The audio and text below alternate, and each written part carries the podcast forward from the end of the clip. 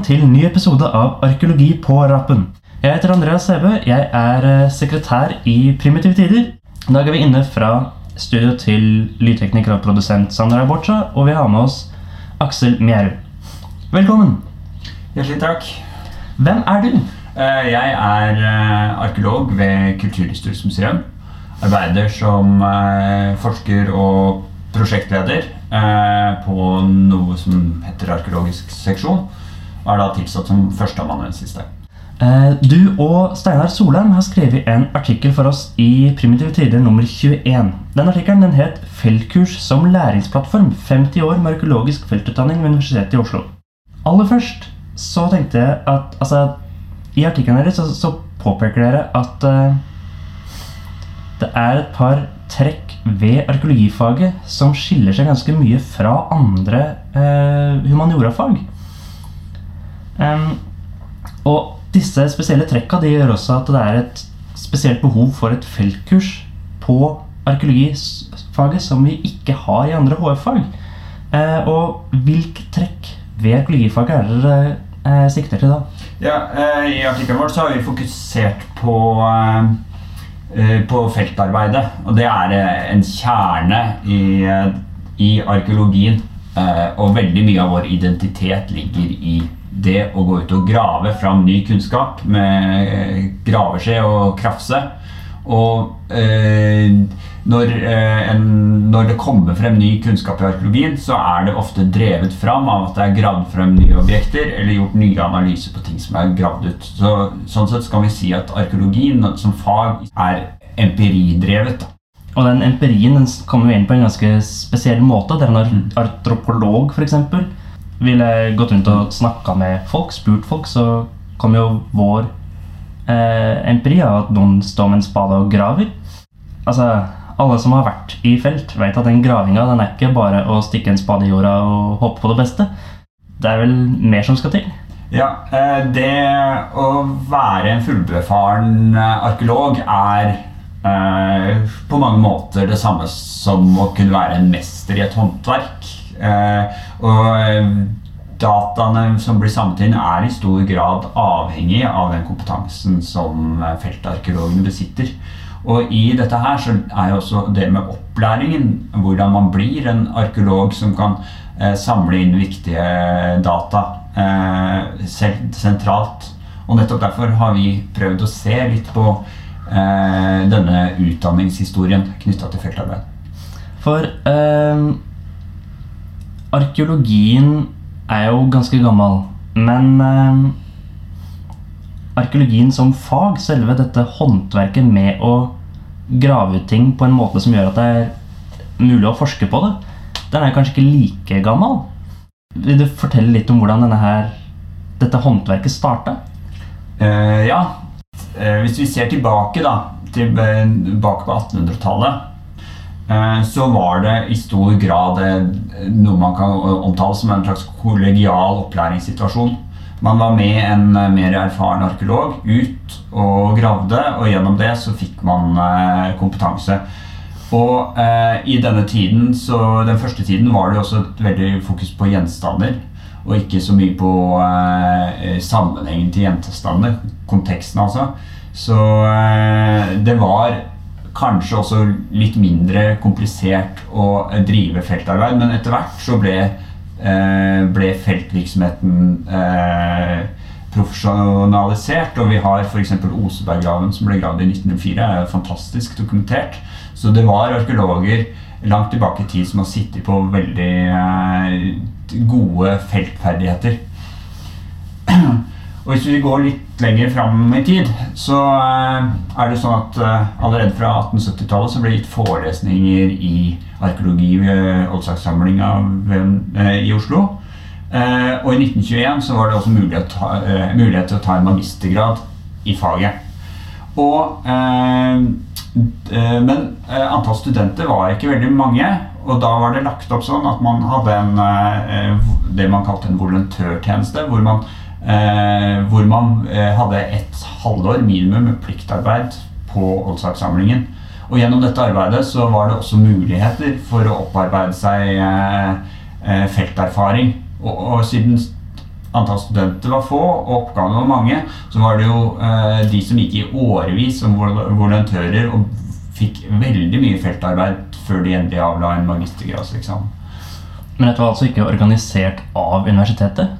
Eh, Sånn direkte? Ikke som ikke en eh, ordinær undervisningssituasjon, men eh, hvis vi da trekker parallellene til det her med håndverksutdannelser, så blir det jo mye av det samme som en mester som har en svenn som er i en opplæringssituasjon, og gjennom å være med den som har kunnskap over lang tid, så får man opparbeida seg den nødvendige kunnskapen selv. Så jeg kan kanskje sammenligne det litt med, med situasjonen for, eh, for eh, altså praktiske fag i videregående i dag, hvor, eh, altså, hvor en lærling sendes til en bedrift, og bedriften er ikke en del av, av skolen, men gir allikevel veldig god håndverkeropplæring, som er kanskje i den praktiske delen vel så viktig som, som den man får på sko. Ja, og her ligger jo noe av den utfordringen som også preger eh, utdanningen av feltarkeologer i dag. Da. At eh, eh, det å kunne få eh, kunnskap gjennom f.eks. et eh, feltkurs på, med en uke eller noen få ukers varighet, eh, er veldig viktig, men det er ikke tilstrekkelig til å kunne bli en fullbefaren feltarkeolog. Så nesten uansett hvordan man organiserer det, så er den arbeidserfaringen man får i etterkant, den er helt nødvendig for å kunne bli en selvstendig eh, feltarkeolog og kunne gjøre en god jobb. Ja, for den eh, Den situasjonen du beskriver fra tidligere tider, hvor arkeolog, arkeologistudenter var ute i felt veldig lenge, sier du, og eh, kanskje brukte vel så mye tid på å grave mens de var studenter som de brukte på, på teoretiske studier, den skiller seg jo ganske mye fra det vi har nå. Eh, når er det Altså Når er det det systemet vi har nå, begynner å ta form? Eh, vi kan, eh, det er to viktige endring, endringstidspunkt. Det ene skjer på slutten av 50-tallet. Da blir det etablert et grunnfagsstudium i arkeologi ved Oldsakssamlingen. Eh, Det begynner å bli langt flere studenter. Eh, og eh, man eh, ser et behov for å få på plass eget undervisningspersonell, annet, som kommer på plass på 60-tallet. Og i tillegg så begynner eh, behovet for feltarkeologer også å vokse. Det blir flere stillinger. Bl.a. knytta til bygravningene rundt omkring i landet, som etter hvert ble viktige. Og også eh, f.eks. i forbindelse med vassdragsundersøkelser eh, i fjellheimen, som kommer i gang på slutten av 50-tallet. Eh, det her setter etter hvert eh, eh, det, det eksisterende systemet med eh, volontørtjenester eh, ja, Det setter press på dette systemet. Og det tvinger seg fram etter hvert et behov for å ha mer ordinære feltkurs. Tilbake på 30-tallet så har vi eh, de første eksemplene på feltkurs. Eh, og også på 50-tallet, så gjennom disse, ut, eh, altså, gjennom disse feltarbeidene, så var det med utdanning sett på som viktig. Men fra midten av 60-tallet så blir det kortere feltkurs, og fra 1973 så etableres det en egen feltstasjon i Østfold, i Fredrikstad. Eh, hvor, eh, som blir utgangspunkt for veldig mange av feltkursene. Og da begynner feltkursene også å få en ukes varighet og en form som vi kjenner til i dag. Ganske intense eh, kurs hvor man bor borte og lærer en hel masse. Og læringskurven er nok enormt bratt. Det neste store bruddet kan man kanskje si skjer i rundt år 2000. Da flyttes eh, undervisningen eh, både fysisk fra sentrum i Oslo opp til eh, Blindern. Og man får en eh, omorganisering, sånn at eh, arkeologiutdannelsen blir lagt under det som da blir et institutt for arkeologi, konservering og kunsthistorie først. Samtidig så får man en utdanningsreform på universitetet som gjør at det blir et økt press på gjennomføring og mer undervisning. Og noe av den praksisen man har greid å tilegne seg f.eks. gjennom arbeid i sommerferier, eh, forsvinner. Og et tydelig eksempel på det er at i læreplanene som står for arkeologi, så forsvinner det her med at man blir oppfordret med, til å ta eh, til å ta eh, skaffe seg feltpraksis i sommerferiene. Det tas ut, eh, kanskje av hensyn til studieframdriften. Og dessuten så flytter man eh, feltkurset opp til mastergrad, altså på senere i utdanningsløpet enn det det har vært tidligere, for det har ligget på bachelorgrad. Og da møter man en utfordring med det, en problem med det, er at da møter man det her med felttilværelsen langt senere i studieløpet. Man får egentlig ikke følt på det å være arkeolog, og blir kanskje Man føler seg kanskje ikke fullt ut som arkeolog før man har vært i felt. Uh, og per i dag så er det et system med to-tre ukers uh, uh, feltkurs eh, lagt på masternivå, supplert med bl.a. en praksis eller en eh, mulighet for å også få feltarbeid tidligere på bachelor, bachelornivå for eh, en del studenter. Ja, for to studenter per år er det vel? To til tre? Ja, det er lagt opp eh, til en, eh, med en sånn bachelorkvote på en del utgravninger. Og størrelsen på den har nok variert litt. Eh, men det, tanken med det er at nettopp man skal kunne rekruttere feltarkeologer, og kanskje til, spesielt til deler av faget hvor det er stort behov for f.eks.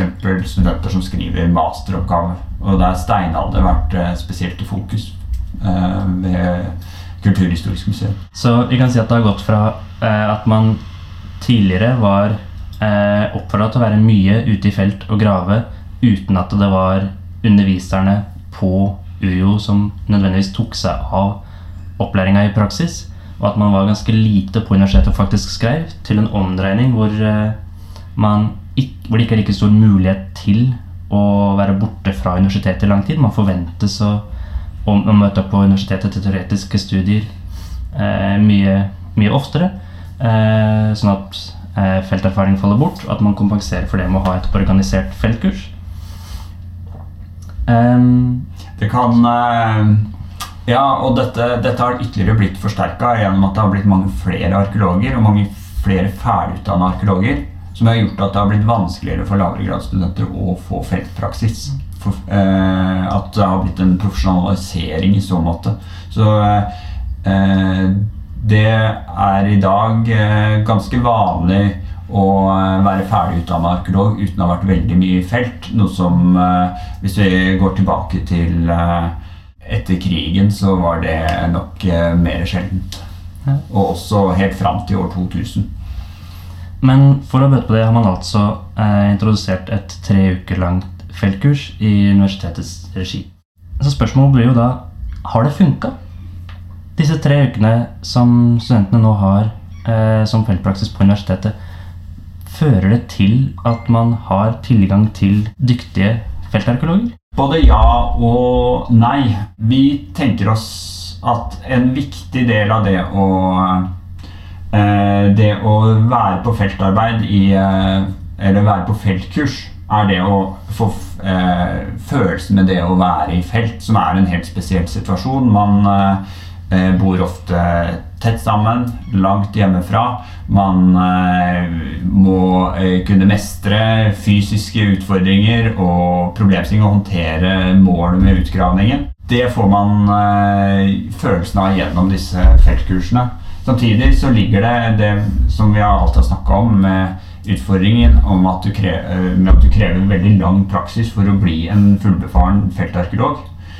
Og eh, man har faktisk spurt arkeologer om hvordan de føler at uh, det er å komme ut i arbeidshverdagen da, etter å bli ferdigutdanna. Og da de som ansetter arkeologer. Og eh, det er et uh, De som ansetter arkeologer, de ser at det er et stort behov for å gjøre ytterligere skolering i forbindelse med oppstart av feltarbeid for nyansatte. Samtidig som de som kommer ut i felt, de eh, mener ofte at de ikke får tilstrekkelig opplæring.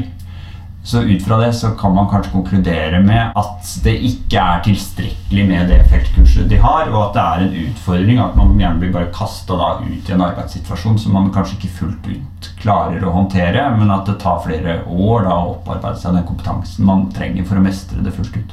Ja, det er jo eh, Andre universiteter har jo løst dette på litt andre måter. Sånn som på NTNU så har de eh, så vidt jeg vet, feltkurs både på bachelornivå og på masternivå. Så de får rett og slett mer feltopplæring i, i, i universitetets regi. da. Merker dere det på feltarkeologene? Har, har trønderne tilgang på dyktigere feltarkeologer enn det, enn det vi har her på Østlandet og Sørlandet? Jeg tror eh, det spørsmålet er ikke så enkelt å besvare sånn med et ja eller nei. Men jeg, det å bli introdusert tidlig for feltsituasjonen er på mange måter viktig. Eh, fordi man da har mulighet til å finne ut om feltarbeid faktisk passer for seg.